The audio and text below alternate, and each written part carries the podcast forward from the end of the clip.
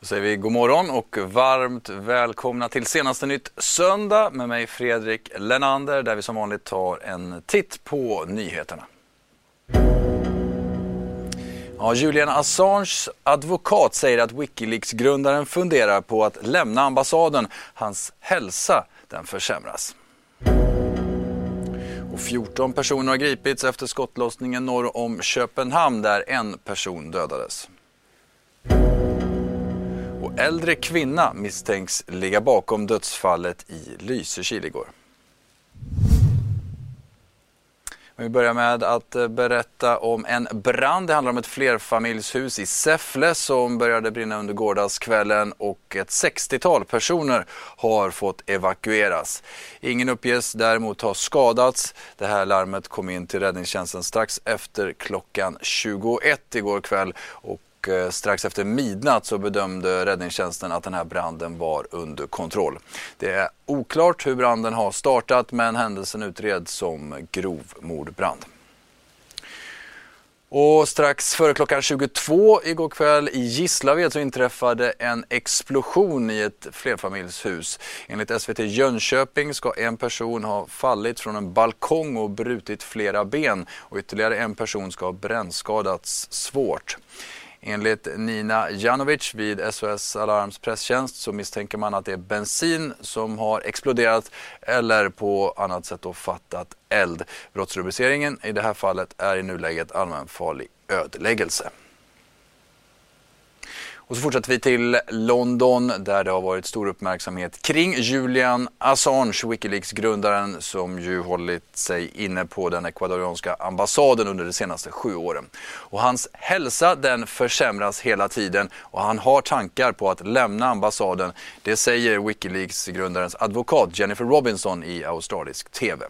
Hon beskriver situationen på ambassaden som att han bor i en lägenhet på första våningen. Han kan inte gå utomhus, han kan inte träna, han kan inte gå ut för att få läkarvård.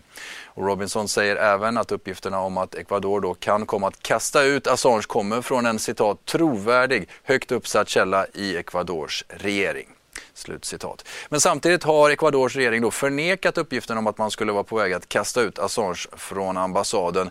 Det kom uppgifter om det igen under gårdagskvällen.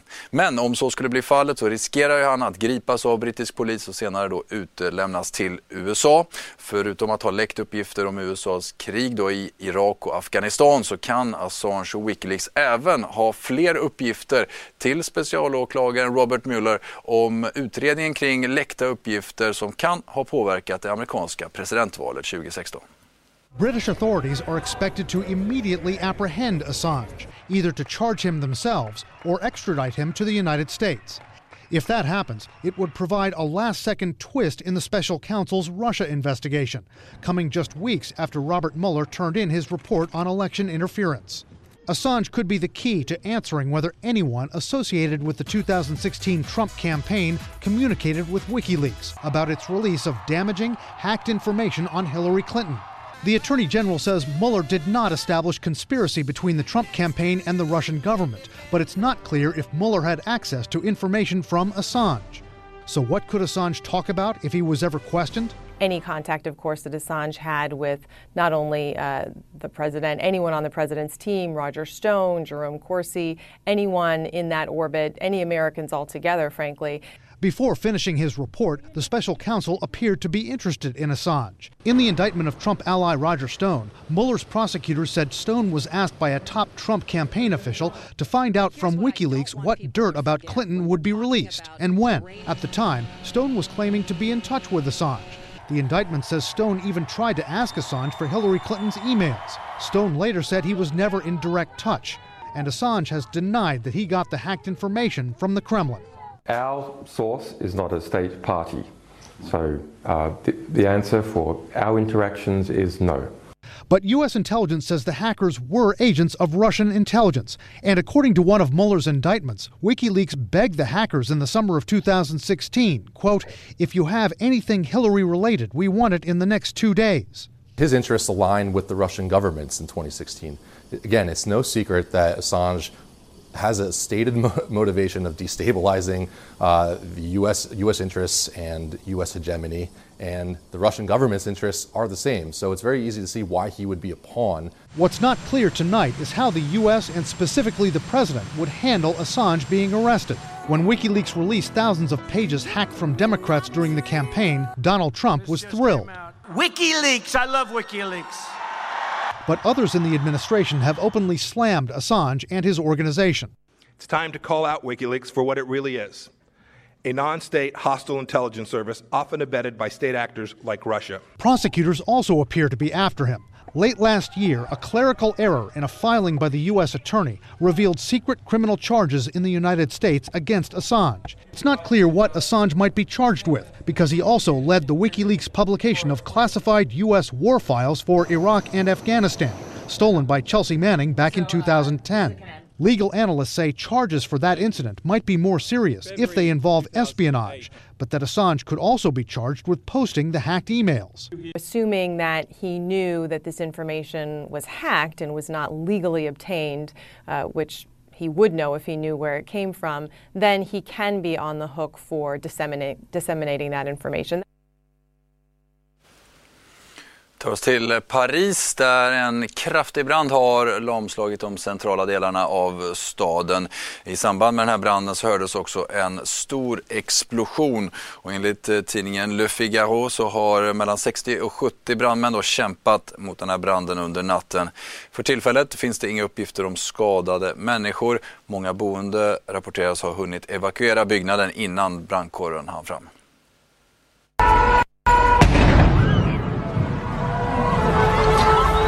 Här är explosionen som skakade om Paris under lördagskvällen. Det var strax efter 22 som första larmet kom in om att det brann kraftigt i en byggnad i 19 distriktet i staden. Enligt Le Figaro spred sig elden snabbt från första till femte våningen och drabbade 27 lägenheter och branden orsakade därefter en stor explosion. En granne beskriver scenen till AFP som hemsk och att elden var överallt samt att många boenden evakuerade redan innan räddningstjänsten anlände till platsen. Trafiken på gatan stoppades under stora delar av kvällen och uppemot 70 brandmän kämpade mot lågorna in i natten. I Danmark har 14 personer totalt gripits efter en skottlossning norr om Köpenhamn igår kväll. En 20-årig man avled och ytterligare fyra män i åldrarna 20 till 27 skadades vid den här skottlossningen. Ingen av de skadade ska dock ha livshotande skador. Eh, den ska ha ägt rum nära Sofienbergs slott på Strandvägen i staden Rungstedt, alltså norr om Köpenhamn. Och det finns vittnen som har kunnat lämna uppgifter till polisen i anslutning till den här händelsen. Men danska polisen polisen efterlyser fler vittnen. Polisens arbetshypotes är att det här rör sig om en uppgörelse mellan två lokala kriminella gäng. Och så många som upp till ett tiotal skott kan ha avlossats vid den här händelsen. Offer och gärningsmän tros då ha haft någon slags möte innan den här skottlossningen började. I Sverige rapporterade vi igår om ett ett eh, mord, misstänkt mord i Lysekil där också ytterligare en person skadades. Nu står det klart att en äldre kvinna misstänks ha mördat en äldre man i en bostad i Lysekil. Och kvinnan som då själv är skadad och vårdas på sjukhus har anhållits av polisen. På lördagsmorgonen strax före klockan åtta fick polisen in ett larm om att två personer hittats skadade i en bostad i de centrala delarna av Lysekil. En av de skadade var en äldre kvinna som har förts till sjukhus och samtidigt anhållits misstänkt för mord. En person på plats konstateras också vara avliden av sina skador. Eh, och de här skadorna kan inte anses ha uppstått genom en olyckshändelse och därför är också en, en, en eh, förundersökning om mord inledd. Kvinnan har under lördagen hörts kort av polisen och sedan anhållits av åklagare. Den här platsen den är nu avspärrad i väntan på kriminaltekniker, kommer genomföra en teknisk undersökning. Eh, och polis arbetar där på platsen också med informationsinsamling och vi genomför en dörrknackning. Nu till politik där Socialdemokraterna i Göteborg de senaste månaderna har skakats av en intern kris. Detta gjorde att flera stolar på tunga poster har blivit tomma. Men nu är det klart vem som tar över i det här distriktet. Socialdemokraterna i Göteborg har de senaste månaderna skakats av en kris inom partiet. Och nu är det klart vem som tar över distriktet. Tidigare i år avgick dåvarande gruppledaren Ann-Sofie Hermansson på grund av att partiets distriktsstyrelse krävt hennes avgång.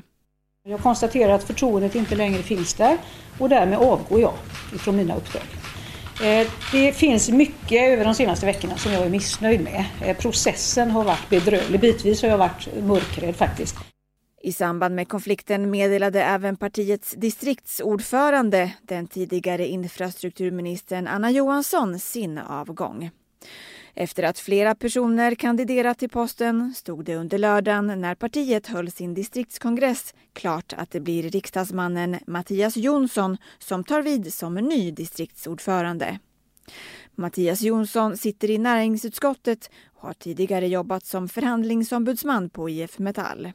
Samtidigt fortsätter processen med att hitta en ny efterträdare till Ann-Sofie Hermansson.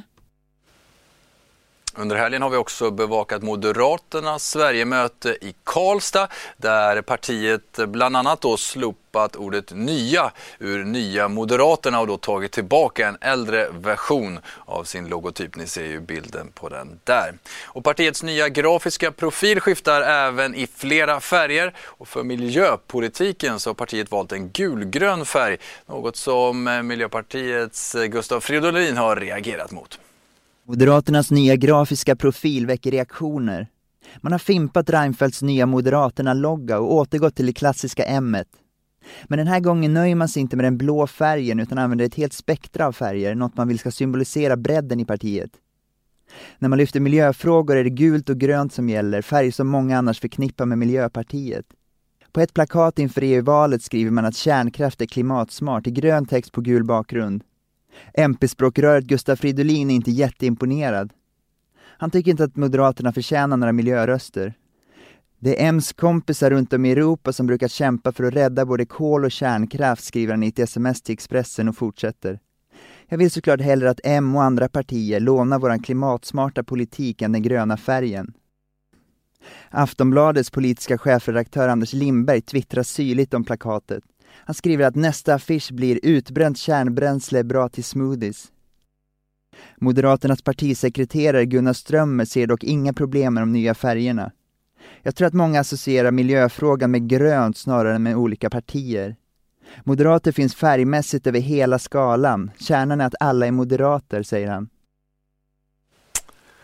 Och journalistpriset Guldspaden delades också ut igår kväll, detta på ett grävseminarium i Kalmar. Bland annat så vann Dagens Nyheters reporter Kristoffer Örstadius i kategorin Nytänkare för sitt arbete med granskningen Fakta i frågan. En granskning där Dagens Nyheter då tog ett nytt grepp inför valet. Och författaren och journalisten Thomas Pettersson fick också årets pris i kategorin Magasin för hans bok Skandiamannen och Olof Palme.